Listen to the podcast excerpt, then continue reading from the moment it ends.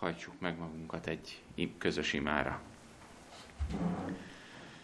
Kegyelemben gazdag Istenünk, mennyei atyánk, megváltó Jézus Krisztusunk.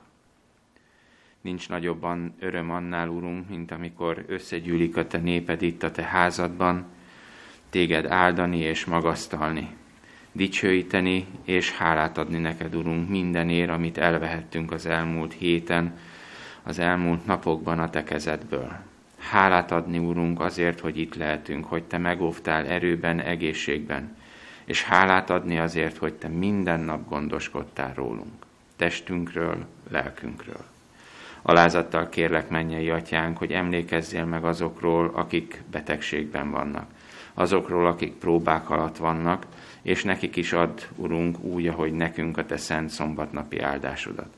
Áld meg, Urunk, kérlek a Te szolgádat, ad az ő, add az ő ajkára a Te igédet, és add a Te üzenetedet a Te népednek. Köszönjük, Urunk, hogy meghallgatsz bennünket. Jézusért kértük, fiadért. Amen. Amen. Foglaljatok helyet.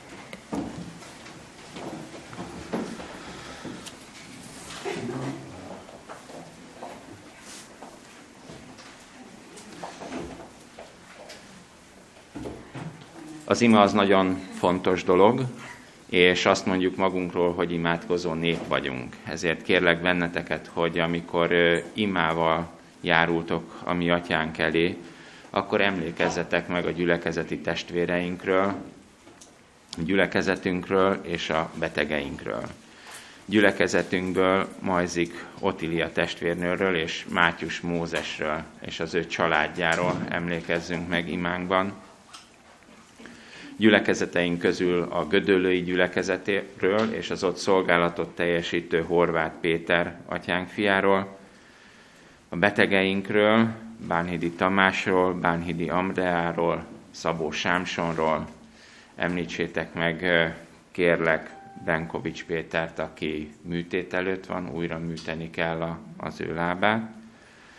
És érkeztek imakérések is, Varga Márk, Vajdáni Brájer Krisztina és Muszka Éva testvérnőkért. Kérném, hogy gyűjtsük össze a tizedet és a hálaadományokat.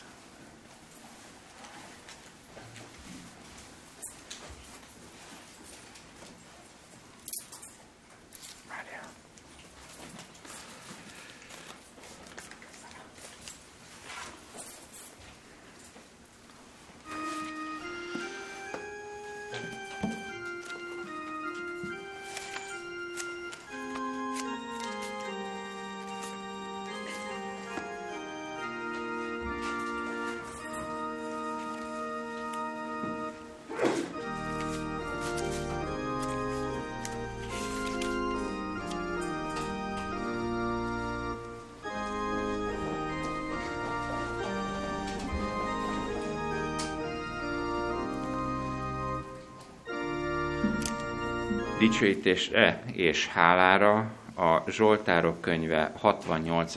részéből olvasom a 20-as verset. Áldott legyen az Úr, napról napra gondoskodik rólunk a mi szabadításunk Istene. Szela. Imádkozzunk együtt. Teremtő mennyei édesatyánk, hálásan köszönjük meg neked az életünket, hogy nap mint nap tartod azt, és fiad, fiad által, hogy megmentetted azt, és hogy minden nap gondot viselsz ránk, mindent megadsz nékünk, ami szükséges. Hálából elhoztuk neked tizedeinket és adományainkat, és kérünk, hogy te olyan módon használt fel, és azoknak a számára, akik igazán szükséget szenvednek. És hogy a te reménységed, amit adtál nékünk, annak az üzenetét, az örömhírt tudjuk ezáltal is terjeszteni, és így a te munkádat cselekedni, és így szolgálni téged. A te áldásod legyen ezen az adományon és a tizeden, és a te okos, bölcs felhasználásoddal. Köszönjük neked Jézus nevében. Amen. Amen.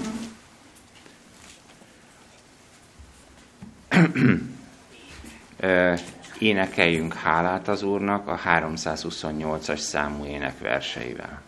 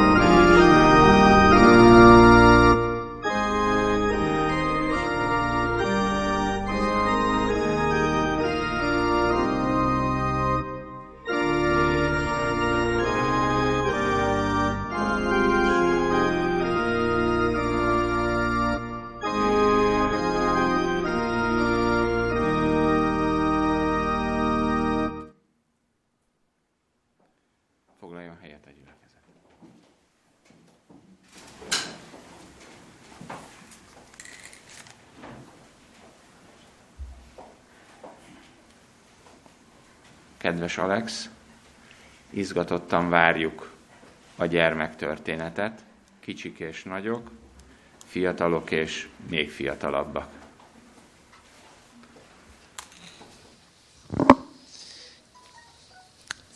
Kedves gyülekezet, kedves gyerekek, kicsik és nagyok, szeretettel köszöntelek én is titeket. Biztam benne, hogy Péter hoz nekünk egy gyerek történetet, mert neki nagyon jó gyerek történetei szoktak lenni, de elfelejtettünk egyeztetni erről korábban, úgyhogy most kénytelenek vagytok beírni engem. Én viszont egy olyan történetet hoztam nektek, amivel már, amit már régóta szerettem volna megosztani veletek, így ezt most elővettük a tarsolyból. Én különösen szeretném kérni, a, a nagyobb, sőt egész nagy vagy egész idős gyerekeknek a figyelmét is. Például Lajos ott a hátsó sorokban, nem tudom, jól hallasz? Igen, Lajos, neked, neked mondom. Talán te vagy most itt a legidősebb közöttünk, elnézést, hogyha erre így felhívtam volna a figyelmet. De Sanyi bácsi, a te figyelmedre is feltétlenül számítunk, Erzsike, és sorolhatnánk tovább. Most egy futóversenyre fogunk elutazni, jó? Ezt a futóversenyt állítólag évente megrendezik Ausztráliában. Ez egy ultramaraton futóverseny, nem tudjátok el, hogy mi az, hogy ultramaraton. Nekünk az egyik rokonunk ultramaraton futó, az azt jelenti, hogy mondjuk innen Budapest, Bécs, nem nagy gond, nem kell autóba ülni, nem kell vonatra szállni, lefutjuk azt a kis távolságot. Tehát itt írtozatos távolságokról van szó. Ez a verseny is, amit Ausztráliában rendeznek, ez nem kevesebb, mint 875 kilométer. Ezt a versenyzők általában 6-7 nap alatt futják le. Nyilván ezt nem úgy kell elképzelni, hogy hogy odaállok a startvonalhoz, és akkor a, ahogy eldördül a startpisztoly, akkor következő pillanatban elindulok, és már meg sem állok 6-7 napon keresztül, hanem ezek a futók általában nagyon szisztematikusan és tervezetten futnak 10-12 órákat, utána pihennek 4-5-6 órát, és akkor folytatódik ismét. Nagyon figyelnek arra is, hogy, hogy mit tegyenek, mennyit tegyenek, mennyi az energia szükséglet. Most hát nem tudom, erre a 875 kilométerre közülünk ki az, aki vállalkozna, aki ugye azt mondaná, hogy most akkor mehetünk és, és vágjunk bele, kezeket fel. Robit, Robi, te sem? Hát, hát akkor most mi lesz, hogy, hogy indulunk ezen a futóversenyen? De Sanyi bácsi, te biztosan belevágnál, ugye? Nem. Lajos? Lajos bácsi? Ja, mi a célja? Igen. Na látod, ez majd a végén ki fog derülni. Nagyon jó kérdést tettél fel. Mi a célja? Nos, hát szeretnélek megismertetni titeket Ausztrál hősünkkel. Nem tudom, hogy Cliff Youngnak a nevét hallottátok-e már. Van kép, Samu talált képet róla. Nos, itt van ez a Cliff Young. Péter, te már biztos hallottál róla, mert futásban te is otthon vagy, tudom, meg mindenféle extrém sportban. Tehát ő Cliff Young, és amikor ezen a versenyen indult, jól emlékszem, 61 éves volt. És azt hozzá kell tenni, hogy ő egy farmer, Ausztráliában igen nagy területen teheneket tartottak a családjával, és egy szegény családból származott, tehát arra nem volt pénzük, hogy, hogy traktort vagy, vagy lovakat tartsanak, amivel tudják terelni az állatokat, így kénytelen volt ő a gumicsizmájával és a botjával terelni ezen a hatalmas területeken az állatokat.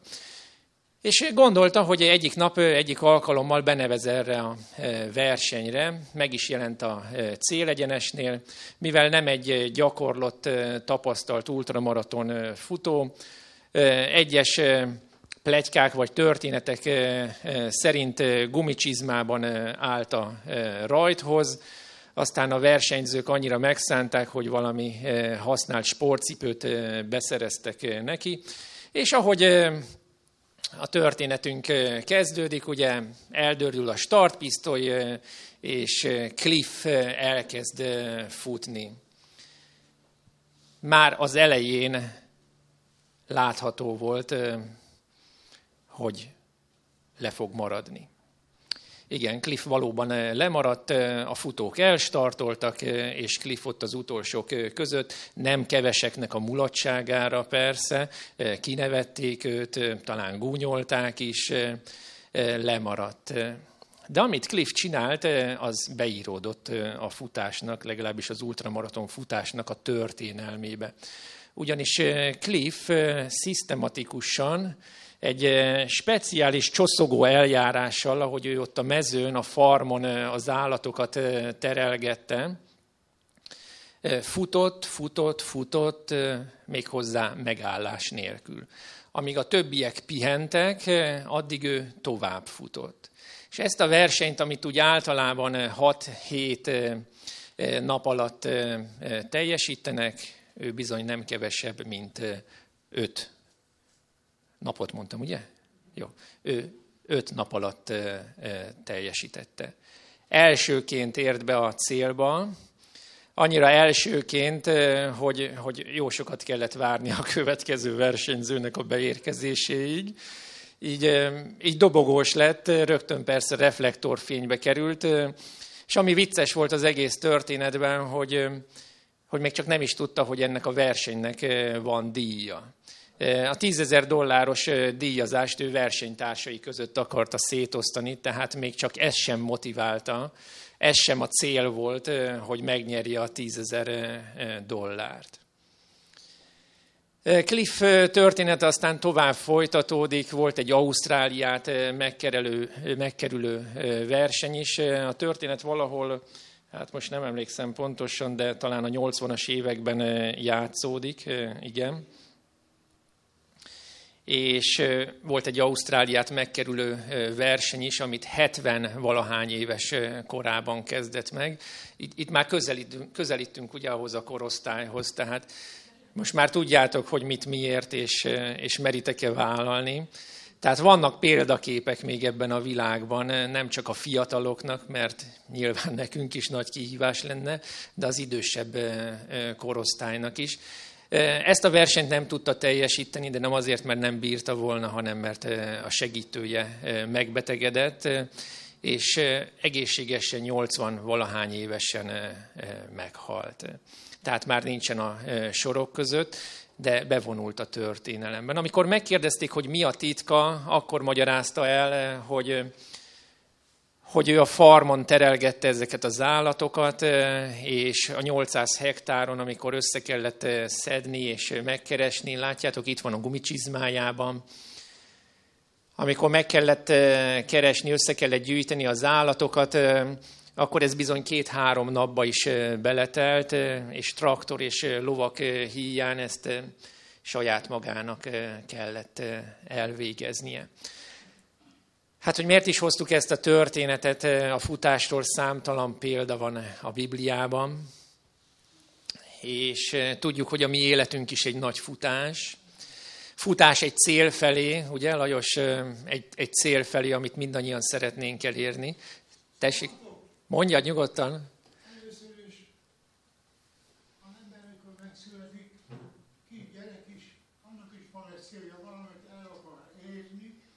valósítani.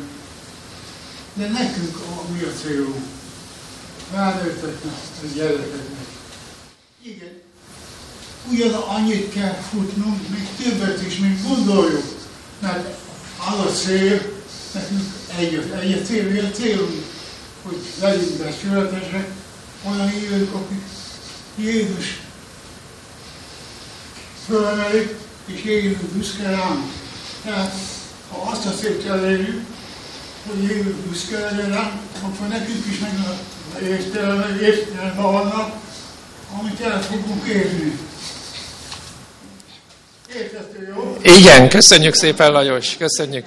Erzsike szerettél volna még. Azt hiszem, hogy az a célunk, hogy Pálapostollal mondhatjuk, hogy futásunkat elvégeztük, a hitet megtartottuk, és végezetre átépetett nekünk a az életnek koronája. Igen. Köszönjük szépen. Én pont, pont ezzel az igével szerettem volna zárni, úgyhogy kedves gyerekek, kicsik és nagyok, fiatalok, idősek, teljesen mindegy, hány évesek vagyunk.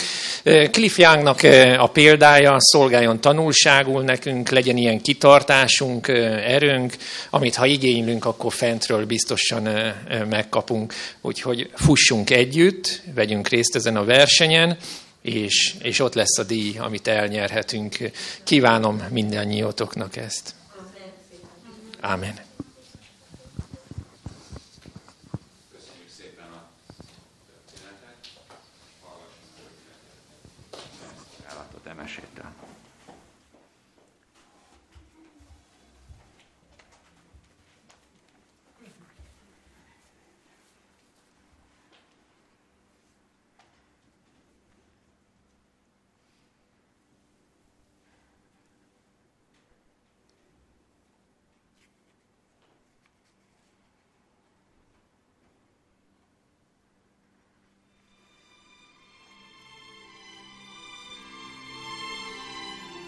Katalin, az én mi atyánkom.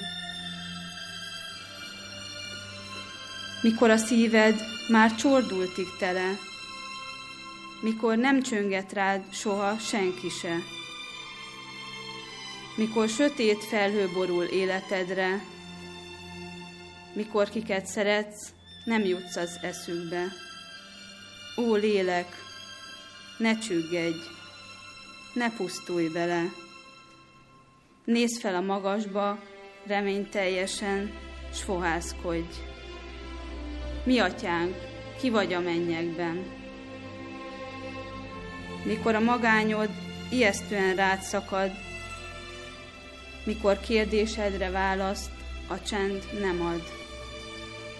Mikor körülvesz a durva szók özöne, átkozódik a rossz, erre van Istene. Ó lélek, ne csüggedj, ne roppanj bele. Nézd fel a magasba, és hittel rebegd. Uram, szenteltessék meg a Te neved. Mikor mindenfelől forrong a nagy világ, mikor elnyomásban szenved az igazság, mikor szabadul a pokol a földre, Népek homlokára Káin bélyege van sütve. Ó lélek, ne csüggedj, ne törjél bele. Nézd fel a magasba, hol örök fény ragyog, s kérd, Uram, jöjjön el a Te országod.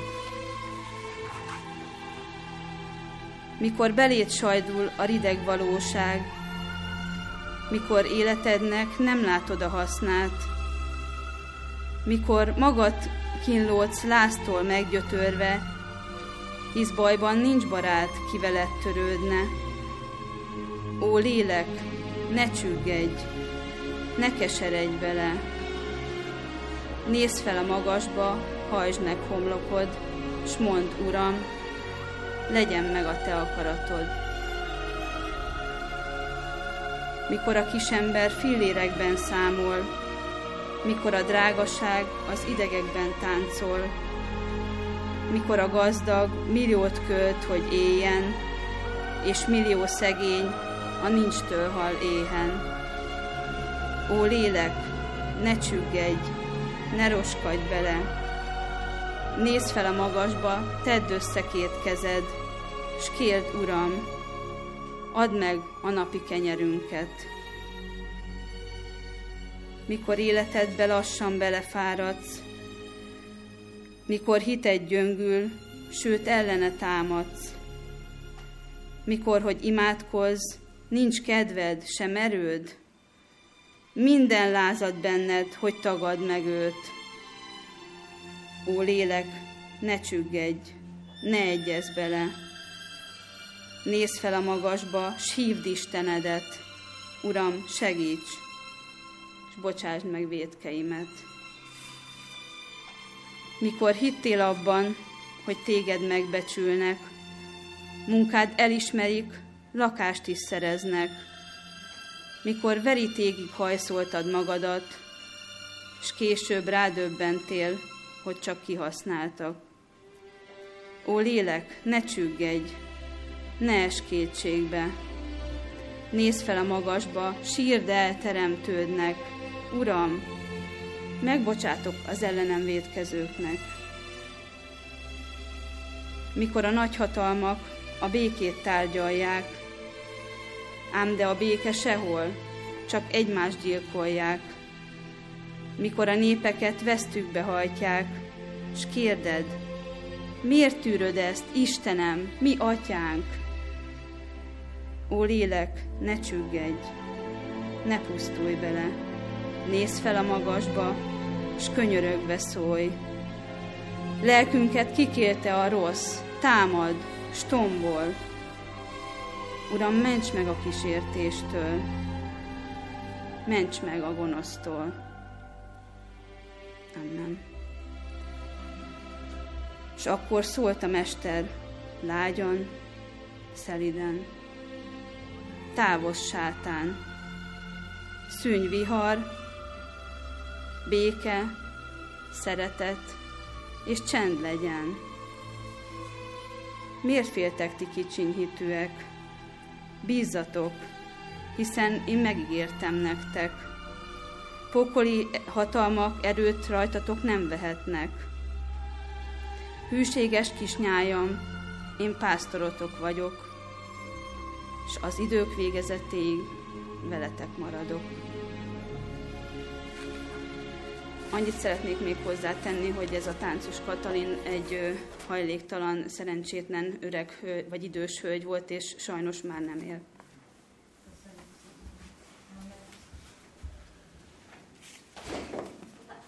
Köszönjük a szolgálatokat. Mielőtt megnyitnánk a Jóisten igéjét, énekeljük a 325-ös számú ének első versét. Péter.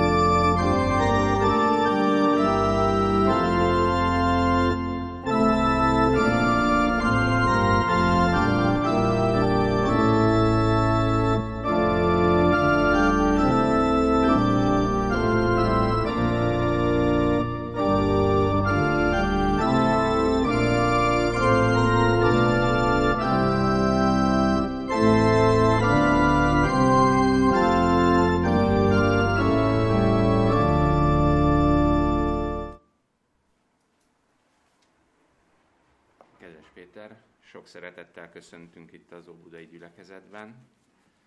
Kérlek, hogy eh, vezess bennünket az ige tanulmányozásában, áldja meg az Úr a te szolgálatodat. Kedves gyülekezet, nagyon sok szeretettel köszöntelek benneteket, és Isten igéjét János Evangélium a második fejezeténél nyissuk ki, és én így szeretném olvasni alapigeként a 13-tól a 23. verseket, amely Jézus Krisztusnak az első templom tisztítását ö, tartalmazza. Így olvasom tehát az igét János Evangélium a második fejezete 13-tól 23. verseiben. Közel volt a zsidók húsvétja, és Jézus felment Jeruzsálembe. A templomban ott találta letelepedve az ökrök, juhok és galambok árusait és a pénzváltókat. Ekkor kötélből korbácsot csinált, és kiűzte valamennyit a templomból az ökrökkel és juhokkal együtt, a pénzváltók pénzét pedig kiszórta, és asztalaikat feldöntötte. A galambárusoknak azt mondta, vigyétek el ezeket innen, ne tegyétek az én atyám házát vásárcsarnokká. Akkor eszébe jutott a tanítványainak, hogy megvan írva, a te házad iránti féltő szeretet emészt engem. A zsidók pedig kérdőre vonták. Milyen jelt mutatsz nekünk, hogy ezeket teszed? Jézus így válaszolt nekik, romboljátok le ezt a templomot, és három nap alatt felépítem. Azt mondták a zsidók, 46 eszendeig épült ez a templom, és te három nap alatt felépíted. Ő pedig testének templomáról mondta ezt. Amikor feltámadt a halálból, tanítványainak eszükbe jutott, hogy ezt mondta, és hittek az írásnak és a beszédnek, amelyet Jézus mondott. Amikor húsvét ünnepén Jeruzsálemben volt, sokan hittek az ő nevében, látva a jeleket, amelyeket cselekedett. Hát azt gondolom, hogy ez egy nagyon különleges történet Jézustól, mert általában Jézust úgy látjuk, hogy ő, hogy ő pozitívan viszonyul az emberekhez, épít, bátorít, erőt ad, gyógyít, esetleg őt bántják, és igazságtalanul bánnak vele. Itt viszont egy nagyon furcsa helyzettel találkozunk, mert itt ebben a helyzetben Jézus az, aki, aki mint egy erőszakot cselekszik. Tehát mint aki, mint aki olyan határozottan erővel föllép, hogy, hogy, hogy ott a többi ember ugye el, elmenekül az ő, az ő színe előtt. Tehát Jézus itt ebben a történetben nem hogy, hogy azt látjuk, hogy, hogy harmóniát tett volna a templomban, hanem egyenesen feszültséget keltett. Egyenesen az történt, hogy ő felfordulást okozott a, okozott a templomban. És itt nyilván azt a kérdést kell tisztáznunk, hogy mi történik itt, és mit e, ismerhetünk meg Jézusról, mit mond ez a történet nekünk, miben különleges ez a történet.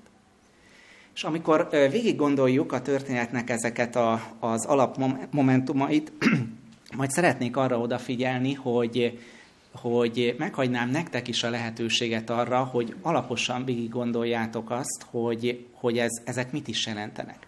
Tehát lesznek bizonyos olyan gondolatok, amiket nem fogok végigvinni, nem azért, mert ne tudnám, hanem azért, mert az bennünk kell végigvinni. Tehát vannak olyan gyakorlati dolgok, amiket nekünk kell végig gondolni, hogy ez a mi életünkben egész precízen hogy van.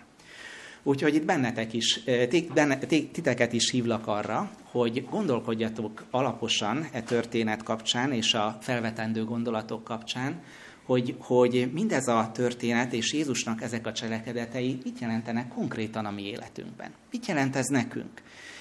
Milyen, milyen dolgokban tanácsol, milyen dolgokban segít, milyen dolgokban fed meg bennünket. A Szentlélek mindannyiunk számára késztetéseket ad, és a mi dolgunk az, hogy ezt figyelembe vegyük, vagy pedig éppen rossz esetben figyelmen kívül hagyjuk, és az életünknek a minőségét, lelki minőségét jó rész az határozza meg, hogy ezekhez a készítésekhez hogyan viszonyulunk. Amikor egy evangéliumi történetet szeretnénk megérteni, akkor mindig az első dolog az az, hogy mikor. Mikor történt. Ugye nem mindegy az, hogy egy evangéliumi történetet kiszakítunk a környezetéből, és akkor azt úgy önmagában nézzük. Ennek is lehet, lehetnek persze szívségei, de hogyha az egész részeként jelenik meg egy történet, sokkal mélyebb, sokkal gazdagabb dolgokat fogunk rájön, fog, dolgokra fogunk rájönni. Akkor, amikor ez a történet zajlik, akkor Jézus Krisztus a már megkeresztelkedett, tehát ugye keresztelő János általi keressége mint egy fél évvel korábban megvalósult, és Jézusnak ez volt az első nyilvános tette.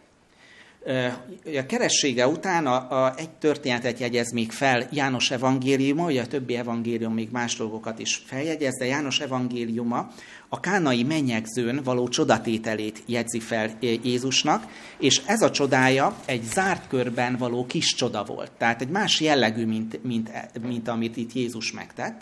Itt Jézus nyilvánosan lépett fel, és nagyon nagy hatása volt annak, amit tett. Eredményként a kánai mennyegzőnél azt olvashatjuk, hogyha azt a történetet végignézzük, hogy, hogy a tanítványai hittek benne, mert annyira elrejtett volt az, hogy itt mi is zajlik a, a háttérben, a tanítványai hittek benne, de csak a tanítványokról olvassuk ezt. Itt viszont azt olvassuk, hogy nagyon sok ember hit Jézusban, amikor a templom tisztítást elvégezte.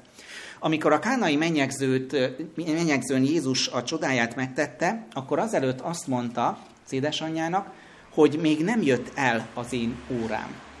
Még nem jött el az ő órája, hogy, hogy nyíltan, világosan fellépjen, és itt viszont eljött. Tehát most már azzal az, idő, azzal az órával találkozunk, amiről ő azt mondta korábban, hogy, hogy még, még nem jött el. Na ez az ő órája. És ennek eredményeképpen olvashatjuk, ennek az órának az eredményeképpen, hogy sokan hittek benne.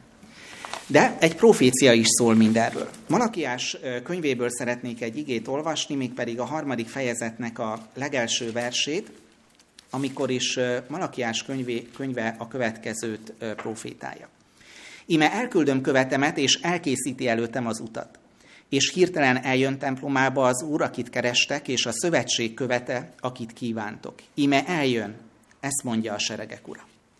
Itt a követ, akiről beszél Malakiás proféta, az ugye keresztelő János. Így Jézus maga azonosította be, hogy keresztelő Jánosban teljesedett be ez a profécia az ő szolgálatában, és keresztelő János szolgálatának a, a csúcspontja az volt, amikor Jézus Krisztus megkeresztelte. És amikor a, a keresség megva, ez a keresség megvalósult, és keresztelő János szolgálata ugye utána már jelentőségében kezdett csökkenni, és Jézus pedig ugye felemelkedett, Ezután történt meg az, hogy, hogy az Úr eljön az ő templomába, olvassuk ugye Malakiás könyvében. Tehát a, a profécia szerint Jézusnak meg kell jelennie a, a templomban. Ez lesz a következő lényeges esemény. És ahogy a Jézus itt megjelenik, a malakiási profécia szerint, az úgy történik, hogy ő úrként jelenik, jelenik meg. Tehát nem úgy, mint egy ember, egy, egy zarándok, egy, egy hívő ember ott megjelenik a, a templomban, hanem úrként jelenik meg, és a messiási címet jelenti, jelent, jelenti be tulajdonképpen a templomban. Ő úgy jelenik itt meg, mint aki ennek a templomnak nem, csak, nem, nem, nem egyszerűen a, a, a részvevője a templomi szolgálatnak, mint bármely hívő, hanem úgy jelenik meg, mint aki ennek a, ennek a templom szolgálatnak a középpontjába van, és úgy lép fel, mint aki a tulajdonosa mindannak, ami itt zajlik. A tulajdonosi jogokkal lépő fel. Hogy ez az, ez, a, ez, az én, ez az én tiszteletem. Itt én nekem jogom van megmondani, hogy ezek a dolgok hogyan történjenek, a, amik itt történnek, mert, mert itt nem jól mennek a dolgok. És még egy fontos szempontot látunk itt. A templom tisztításkor Jézus nem a világhoz jön el, hogy elmarasztalja azt, hogy milyen csúnya ez a világ, amiben élünk, hanem a saját választott népét ítéli meg. És ez egy nagyon fontos dolog, mert sokszor úgy gondolkozunk, hogy a Bibliában vannak bizonyos tanítások, és hát fú, a világ milyen szörnyű, és aztán Jézus meg eljön, és nem a világhoz jött el, és nem azt mondta, hogy hú, világ, te milyen szörnyű vagy, hanem elmondta a hívő embereknek, a választott népnek, hogy mi a gond a hitükkel, mert alapvető problémák voltak, volt mindezzel. És most nézzük akkor magát az eseményt. Ugye itt egy állatvásárral találkozunk, ahogy Jézus belép a templomban.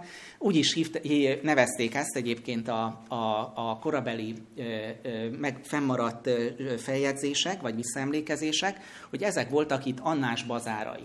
Tehát, hogy, hogy itt, itt nem csak az evangéliumban jelenik meg ez, hogy a, hogy a, a templomnak a, az egyik fontos részén, a pogányok udvarában állatvásár volt, nem csak az evangéliumokból tudjuk, hanem más Biblián kívüli forrásokból is tudjuk ezt.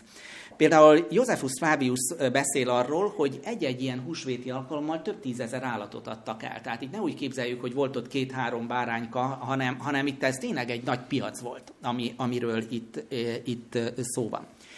És és itt tulajdonképpen arról volt szó, hogy jöttek a zarándokok mindenfelől szerte a világból, meg aztán ö, ö, Izrael területéről is a messzebb részekből, és hát ők nyilván nem tudták elhozni az áldozati állatot, meg hogyha elhozták is, nagyon sokszor probléma volt az, hogy a papok azt mondták, hogy hát ez az állat nem felel meg az áldozati kritériumnak, csak azt áldozt fel, amit mi eladunk, mert az biztos jó.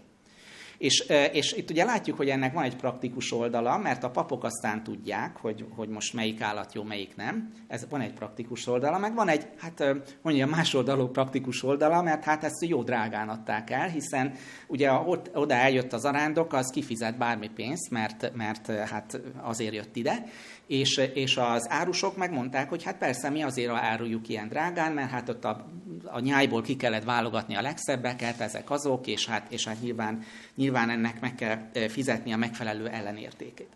Tudjuk azt is a Biblián kívüli feljegyzésekből is, hogy bizony ezen nagyon, ezzel nagyon jól jártak a, a, azok a, a papok, akik ennek a, a, a hátterét biztosították. Akár bérleti díjban, akár az üzletben való közvetlen érdekeltségben ők nagyon jól jöttek ki. Egyébként, ha megnézzük úgy zárójelbe, jó pár olyan istentiszteleti hely van a világban, ahogyan megyünk akár turistaként, látjuk azt, hogy tulajdonképpen nagyon sok ilyen istentiszteleti hely van, legyen keresztény vagy más segő, tulajdonképpen egy bazár. Tehát, hogy ott, ott árusítani lehet, ott üzlet van, ott belépődíj van, és akkor, és akkor ennek mind megvan a maga praktikus oka. Tehát ezek nem, nem olyan dolgok, hogy most erőltetnék az emberek rá a dolgokat, hanem, hanem van egy praktikus oka, és van egy, van egy emberi oka ennek. És itt, itt is mind a kettő megjelent. Ez, ez tehát az állatvásár része. És láttuk, hogy az állatvásáron túl volt még pénzváltás is, amire azért volt szükség, mert a Mózes második könyve 30. fejezet 13. verse szerint minden zsidó embernek fél sékel templomadót kellett fizetnie a templom fenntartása érdekében. És akkor, amikor e, ezt befizették, akkor ugye ezt az éves kötelezettséget letudták, de nagyon fontos volt az, és ezt húsvétkor tették meg mindig, és nagyon fontos volt az, hogy ez olyan pénzben legyen, ami szent sékelnek ö, ö, mondat, ö, mondatik. Egyébként a misnából, a zsidó iratokból is tudjuk, hogy a templomban a húsvétkor felállították a pénzváltó székeket, és mindenki, aki jött szerte a világból, hozta a maga pénzét, átváltotta a, a pénzét, legalábbis a fél úgynevezett tíruszi sékelre. És ez a, ez a tíruszi sékel volt ebben az időben a, a, a szent sékel, és ennek az volt a, az egyik jelentősége, hogy ez a tíruszi sékel, ez egy fix ezüsttartalmú sékel volt, tehát nem gyengítették a pénzt, mint oly sokszor, ugye a magyar történelemből is tudjuk, hogy ugye a király haszna, ugye kivesszük a pénzből a, a nemesfémet, tehát ennek mindig fix volt az ezüsttartalma és a súlya, tehát egy nagyon megbízható érme volt, és akkor, amikor a, a zsidók, a rómaiak elfoglalták a környéket, megszüntették mindenhol a pénzverést, a zsidóknak viszont megengedték azt, hogy ők a tíruszi sékelt verjék, mert már a tírusziaknak azt megtiltották, de a zsidóknak megengedték, hogy azért, hogy a, az Isten tisztelet a, a, és a, a, a templomadó befolyjon, ezért ez működni tudjon. Azért is a tíruszi sékelt alkalmazták, mert ez egy olyan pénznem volt, ami nem volt rajta a császár képmása, mert a római birodalmon belül minden pénzérmény rajta volt a császár képmása, ezen nem, és azt mondták, hogy na ez lehet akkor a szent sékel. De nagyon érdekes, hogyha beütitek a, a Google-ba esetleg majd otthon a tíruszi sékelt, és a Wikipédián előkeresitek, látni fogjátok, hogy mi van ezen, mert ez a, ez a, ezen az élmény azért volt más. Nem a császár, egyik oldalon ott volt a sas, a másik oldalon pedig ott volt Bál. Bálkult, Bálisten volt ott. A tírusziaknak az istene. Tehát a császár nem volt rajta, csak éppen Bál volt ezen az érmén, de mégis ezt használták szent sékelként, ezt verték, a, a, ezt az érmét verték, és erre kellett mindent átváltani, annak érdekében, hogy a templomnak a bevétele biztos legyen. Ugye ez az ezüstpénz volt az, amit például ugye Júdás is megkapott, tehát ott is ezüstpénzről beszélünk, ez is a templomadóból lett kiadva Júdásnak, hiszen nyilván tizedből nem kaphatott, de templomadóból igen. Ugye, tehát ez a, ez a pénzváltás és a templomadó lényege. És aztán nézzük meg, hogy itt milyen vallásgyakorlat folyt ebben a templomban, ami, amit alapvető reformokra szorult. Mert itt láttuk, hogy, hogy a, az Isten tisztelethez kapcsolódtak bizonyos kiegészítő szolgáltatások, a, a, a templomi szertartást intéző, szervező papság részéről, aminek volt tehát praktikus oldala, és volt üzleti oldala. És a, az itt folyó vallásgyakorlattal milyen problémák lehettek? Azt látjuk, hogy tulajdonképpen a templomba annyi minden dolgot belezsúfoltak, hogy magát az Istent és az Isten tiszteletét már nagyon nehéz volt emögött megtalálni.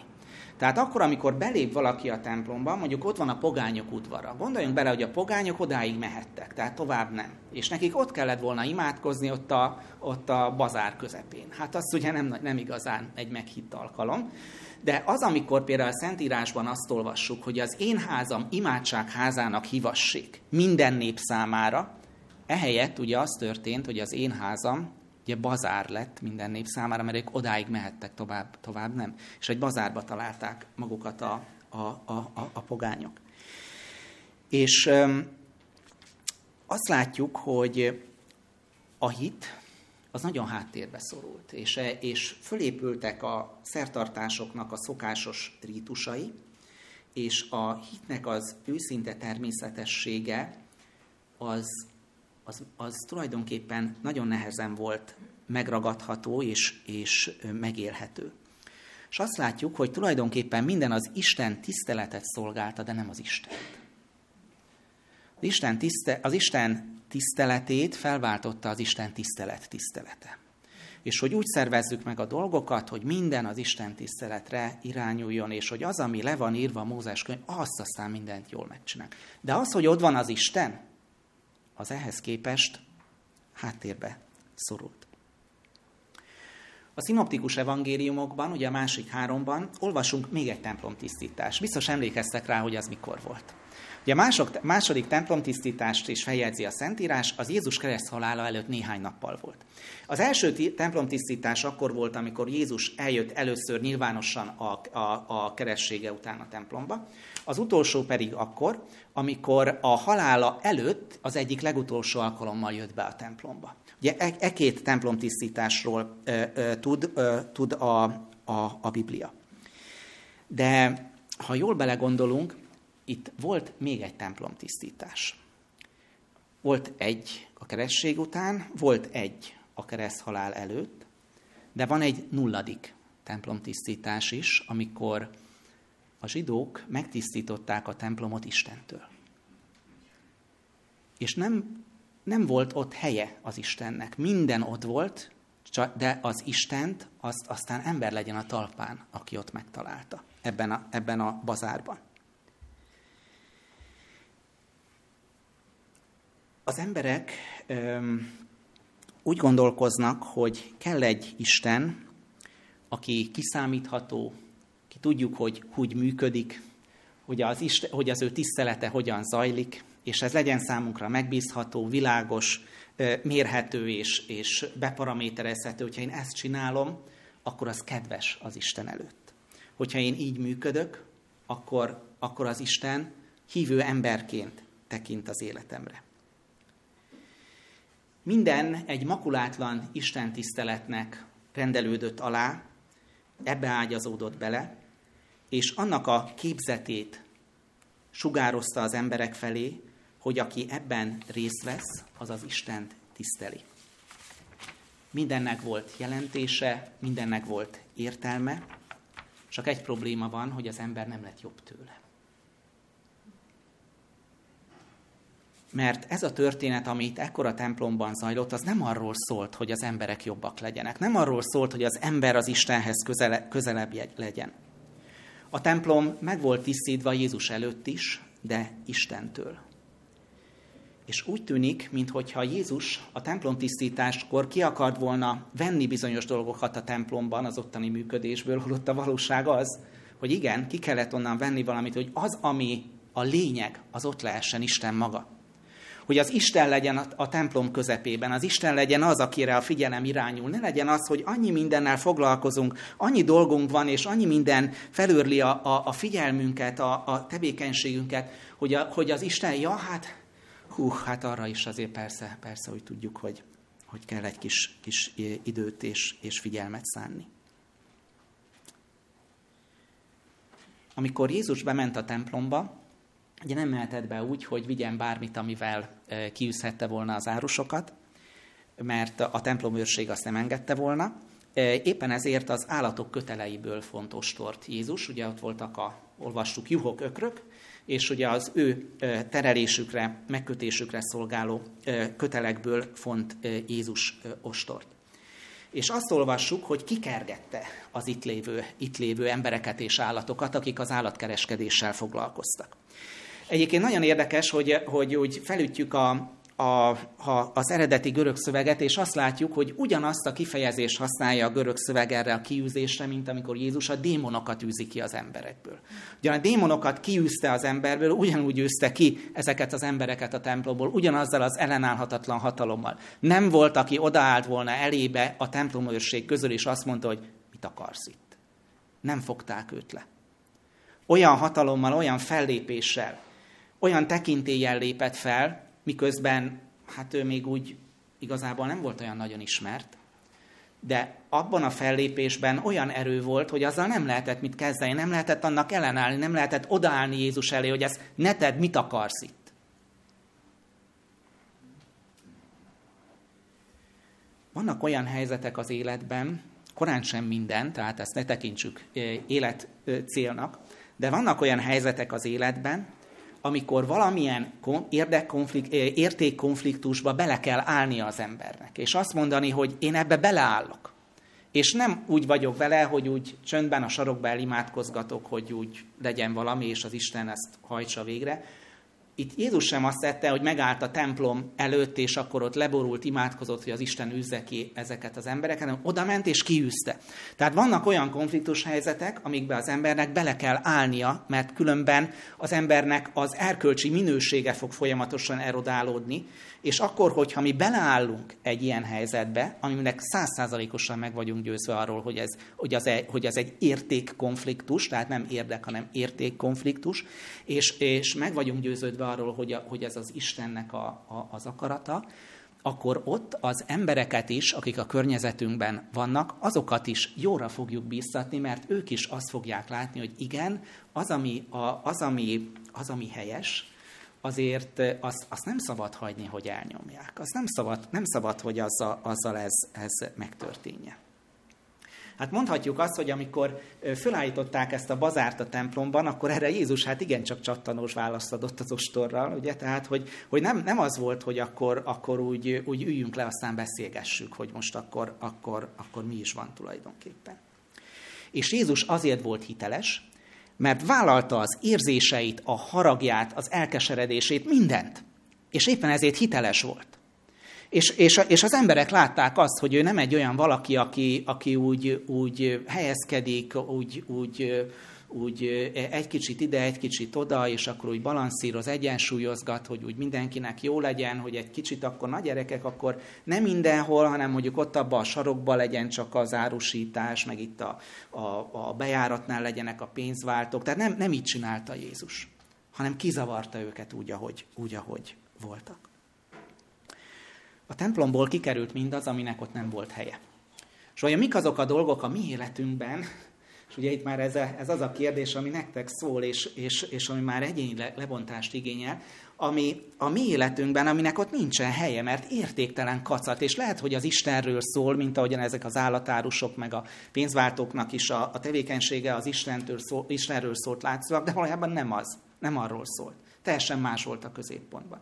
Mik azok a dolgok a mi életünkben, amelyeket, hogyha Jézus megjelenne, eltüntetne és kizavarná az életünkből azokat a dolgokat, amik ott, ott letelepettek. Amikor itt azt olvastuk az evangéliumban, hogy ezek az árusok letelepettek, akkor ugyanaz a kifejezés van a görög szövegben, mint amikor a mennybe menetel után Jézus letelepszik az atya mellett. Ugyanez a szó van. Ezek az árusok is oda letelepettek, nekik ott otthonuk volt ők. Ő nekik ez volt a normális és a, és a természetes. Azt látjuk, hogy az ember képes az Isten tiszteletét megrontani. Képes megrontani, viszont Jézus minden korban megtisztítja a templomát. És néha Jézusnak nagyon erősen bele kell avatkozni az életünkben ahhoz, hogy ez a tisztítás megtörténjen. Emlékszünk talán arra a nagyon ismert részre, Prédikátor könyve, harmadik fejezete az egyik legismertebb rész Prédikátor könyvére, könyvéből, talán emlékeztek rá, hogy ideje van. Emlékeztek erre a sok felsorolás? Mi mindennek van ott ideje? És milyen könnyű ezt így úgy olvasni, hogy fel, elővesszük, és akkor ideje van ennek, annak, amannak. Hát igen, akkor úgy tervezzük meg az életünket, mert hogy mindennek ideje van. De ha megnézzük ezt a szakaszt, és nem kiragadjuk, hanem megnézzük, hogy miről szól Prédikátor könyve, azt fogjuk látni, hogy itt arról van szó, hogy Isten úgy rendezi el az életünket, hogy abban mindennek rendelt ideje van. Ami megtörténik velünk, annak minden rendelt ideje van. Nem arról szól, hogy mi hogy élünk, hanem az Isten mit tesz velünk, annak van rendelt ideje. Erről szól ez a rész Prédikátor könyvében. És, és itt, amikor Isten beavatkozik az életünkbe, ezeknek a beavatkozásoknak egy nagyon jelentős része olyan, hogy halvány lila gőzünk nincs arról, hogy ez miért teszi az Isten. Érnek bennünket olyan nehézségek, problémák, konfliktusok, egészségi problémák, családi konfliktusok, munkahelyi problémák, és sorolhatnánk ezeket. És, és nem értjük, hogy miért. Mint ahogyan itt azt látjuk, hogy Jézus tett egy jelet, olvassuk, hogy jelet tett, és sokan hittek benne, és aztán egy csomó ember meg nem hitt benne, és számon kérte Jézust, hogy ez miért teszed. Nem vagyunk mi is így sokszor az Istennel, hogy történnek velünk dolgok, események, amelyek megrázzák az életünket, és nem tudunk mit kezdeni vele. Miért? Miért lenne ez egy rendelt idő az Isten részéről, egy rendelt esemény? És számon kérjük az Istent, hogy Istenem, ezt te miért csinálod így? Ez nem volt jó a részedről. És, vagy, vagy ha éppen nem is ezt mondjuk, de mondjuk úgy elviseljük, mert hát egy, egy hívő ember úgy, úgy, úgy elviseli a dolgokat. De nem tanul belőle. És, és, és itt azt látjuk, hogy hogy, hogy amikor Jézus eljön és tisztítja a templomunkat, ott van egy válasz a mi részünkről. Megértjük, nem értjük. Tudunk ezzel mit kezdeni? Nem tudunk mit kezdeni. Átesünk ezeken az eseményeken, belerokkanunk, és, és kicsit megbolondul az életünk, de a hitünken ez semmit nem segít, mert nem értettük azt a jelet, amit az Isten tenni akart velünk, vagy pedig nem, nem okvetlenül akkor, amikor ez történik velünk, akkor a legjobb, de, de lehetséges, hogy később, akár évek múltán értjük meg, és még az, abban is biztos vagyok, hogy nagyon sok olyan esemény van, amit ha eljutunk oda, majd az örökké valóságban értünk meg, hogy miért történtek ezek meg velünk. De azt is látni fogjuk, hogy ha hittel fogadjuk az eseményeket, nem biztos, hogy megértjük ezeknek a lényegét, itt a földi világban, hogy ennek miért kellett így történni. Van nagyon sok minden, ami a mennyben áll össze, de attól az még a hitünket fogja építeni, és az még a lelkiségünket fogja emelni, és az Istenhez való, való odaszánásunkat akkor is, hogyha azt igazából nem értjük meg pontosan annak a, annak a lényegét. Ugye Jézus azt látjuk, hogy amikor eljön az életünkbe, mint ahogyan eljött a, a templom szenteléskor is, a, vagy a templom tisztításkor a templomba, akkor hát azért hogy olyan jó lenne, hogyha Jézus mindig olyan kis kegyes és kedves és mosolygós valaki lenne, mint a szent képeken, nem? Hogyha milyen jó. És akkor itt meg nem. És akkor itt idejön, és egy nagy felfordulást okoz.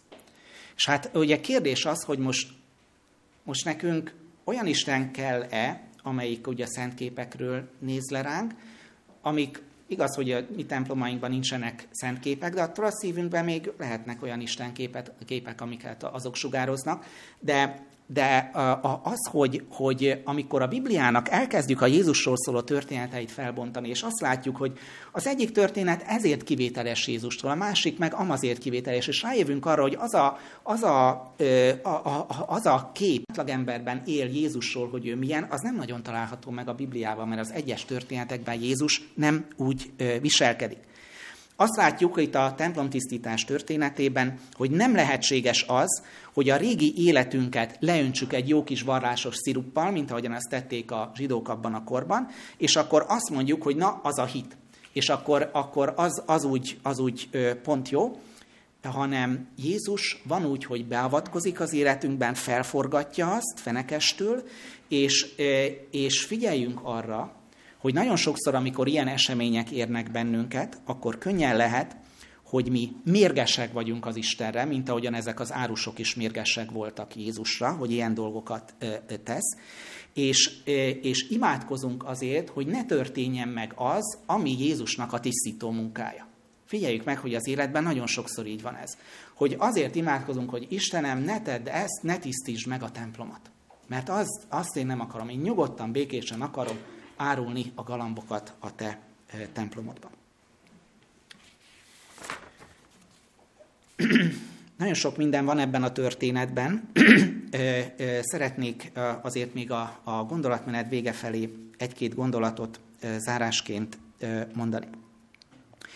Akkor, amikor a, amikor Jézus megtette ezt a jelet, és kiűzte a zárusokat a templomból, akkor azt olvassuk, hogy ugye számon kérték tőle, hogy miért tette ezt, de figyeljük meg, hogy nem a tettét helytelenítik, nem azt mondják, hogy te rosszul tetted, hanem azt mondják, hogy nem volt rá hatáskörő. Tehát milyen alapon csinálod ezt? Hogy veszed a bátorságot erre? A jogkörét vonják kétségbe Jézusnak, nem a tettének a helyességét. És ez azért érdekes dolog, mert milyen könnyen megtaláljuk mindig azt, hogy az Istennek van egy üzenete a számomra, amit, a, amit az Isten az ő igéjén, történe, velem történő eseményeken, stb. keresztül az Isten meg akar velem értetni, és én úgy hajolok el ezelől, hogy megpróbálok valami apróságba belekapaszkodni, hogy ez miért így volt, miért nem úgy volt, és, és akkor elkezdjük reszelni ezeket a témákat, ahelyett, hogy azt, azt élnénk át, amiről az Isten üzenni akar nekünk igazán. Az, amit a tanítványok messiási jelként láttak, azt, az illeték, azt, a, azt a zsidó vezetők illetéktelen tettként értelmezték. Nagyon máshogy lehet látni ugyanazt a, ugyanazt a történetet. Jézus azt mondta, hogy romboljátok le ezt a templomot, és három nap alatt felépítem azt, és akkor mondták neki, hogy hát persze, hát te ács vagy, hát most gondolod, hogy három nap alatt ilyet tudsz építeni, mint aki, mint aki ugye építészetben járatos ember, vagy hát hogy tudnál ilyet csinálni. Ugye még, még emlékszünk rá három évvel később, amikor kereszthalált halt, akkor is ott gúnyolták ezzel a mondatával, hogy persze, majd három nap alatt felépíted ezt a templomot. És itt Jézus azt mondja, és azt mondja az, a, a János apostol az, a történet magyarázatakor, hogy Jézus itt az ő testének templomára gondol. Tehát itt, itt kibővíti számunkra a templom értelmezését, és azt mondja, hogy itt az életünkről van szó, amikor a templom tisztításról van szó hogy, hogy a, a, a testünket, a lelkünket, az egész életünket szeretné ö, ö, ö, megtisztítani, és amikor Jézus azt mondta, hogy ő majd három nap alatt megépíti azt, a, akkor, akkor ugyanazt a kifejezés használja a felépítés alatt, mint ami a feltámasztás kifejezés. Tehát három nap alatt fel fogok támadni. Ezt mondja itt Jézus tulajdonképpen. Tehát ahogyan ő azt megfogalmazza, azt lehet érteni a Jeruzsálemi templomra is, de lehet érteni az ő saját testére feltám, feltámadására is. És ez azt jelenti, hogy nem okvetlenül veszük észre, és nem okvetlenül értékeljük úgy Jézusnak a jeleit az életünkben, mint ahogyan az nekünk szól. Lehet, hogy mi annak teljesen más jelentést tulajdonítunk, mint ahogyan itt a zsidó vezetők is, mert nem azt a nyelvet beszélik, nem úgy gondolkodnak, mint ahogyan azt, azt Jézus szerette volna. Jézust senki nem kérte arra, hogy jöjjön a templomba és tegyen ott rendet. Senki. Van egy csomó olyan dolog az életünkben, ami nem azért valósul meg, mert mi kérjük az Istent, és megvalósul, hanem nem kérjük az Istent, sőt az ellenkezőjére vágyunk, és ő jön, és megtisztít, és, és komoly problémák jelennek meg az életünkben. Ő csak egyszerűen jön, tesz, mert ezt látja jónak. Jézusnak az elsődleges akarata az, hogy mi szentségben és tisztaságban éljünk. Ez az ő akarata és ő azt akarja, hogy a mi életünk az ne romokba heverjen, ne olyan érintőleges hitfoszlányok legyenek benne, hanem, hanem ő azt szeretné, hogy az életünk az markánsan ki tudjon emelkedni ebből a földi világból, és az Istent megdicsőítsük, és az életünk olyan legyen, mint a Isten temploma lenne jelen az emberek között. Mint akin keresztül az Isten meg tud nyilvánulni, akin keresztül meg lehet azt látni, hogy az Isten mire képes az emberi szívben. Ugye Istennek ez az akarata, hogy mi az ő követei, az ő élő tanúságtevői legyünk, hogy, hogy mire képes az Isten az emberben. Nem az az érdekes, hogy mi mire vagyunk képesek, és hogy mi milyen, milyen frankó keresztények vagyunk, hanem az az érdekes, hogy mi mennyire vagyunk Jézus tanítványai, mennyire vagyunk olyanok, akikben az Isten akarata és a kegyelme céltér, vagy legalábbis nagyon markánsan, erőteljesen a cél irányába halad. Ennek megfelelően vezeti Jézus a mi életünket. És akkor, hogyha mi, mi ebből a perspektívából nézzük a sorsunkat, akkor Jézus Krisztus a tisztítás szolgálatát is ennek megfelelően végzi bennünk. Adja meg a jó Isten, hogy mindannyian igénybe vegyük tudatosan Istennek ezt a tisztító munkáját. Amen. Amen.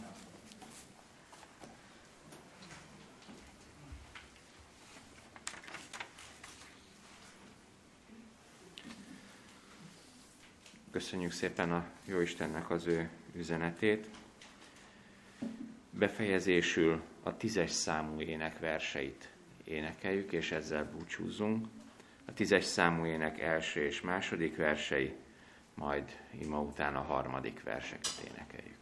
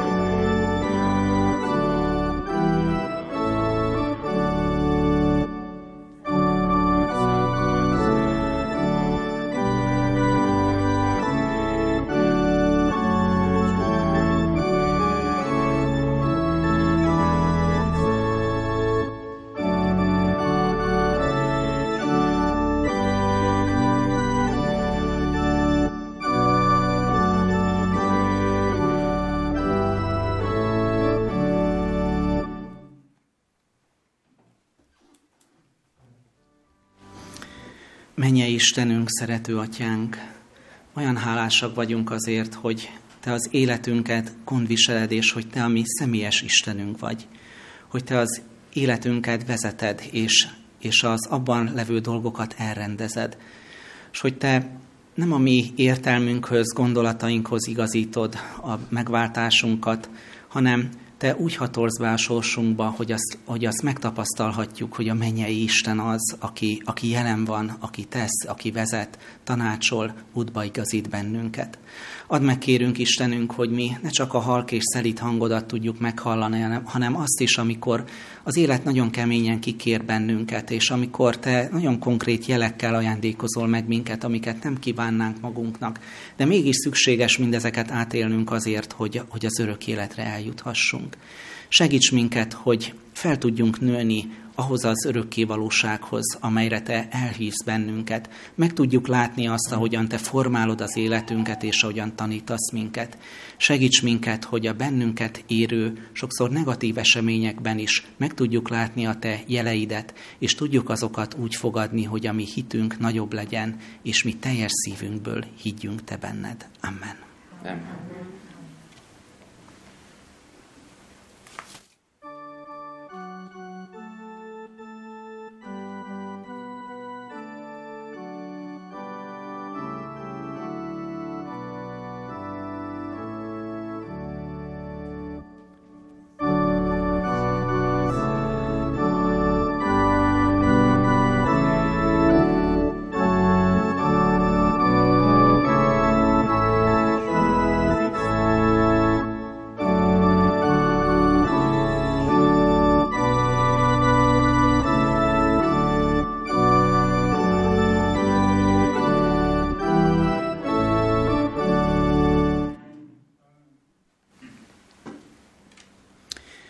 Annak pedig, aki megőrizhet titeket a botlástól, és dicsősége elé állíthat fedhetetlenségben, újongó örömmel, az egyetlen Istennek, ami üdvözítőnk, mi Urunk Jézus Krisztus által dicsőség, fenség, erő és hatalom mostantól fogva mindörökké. Amen.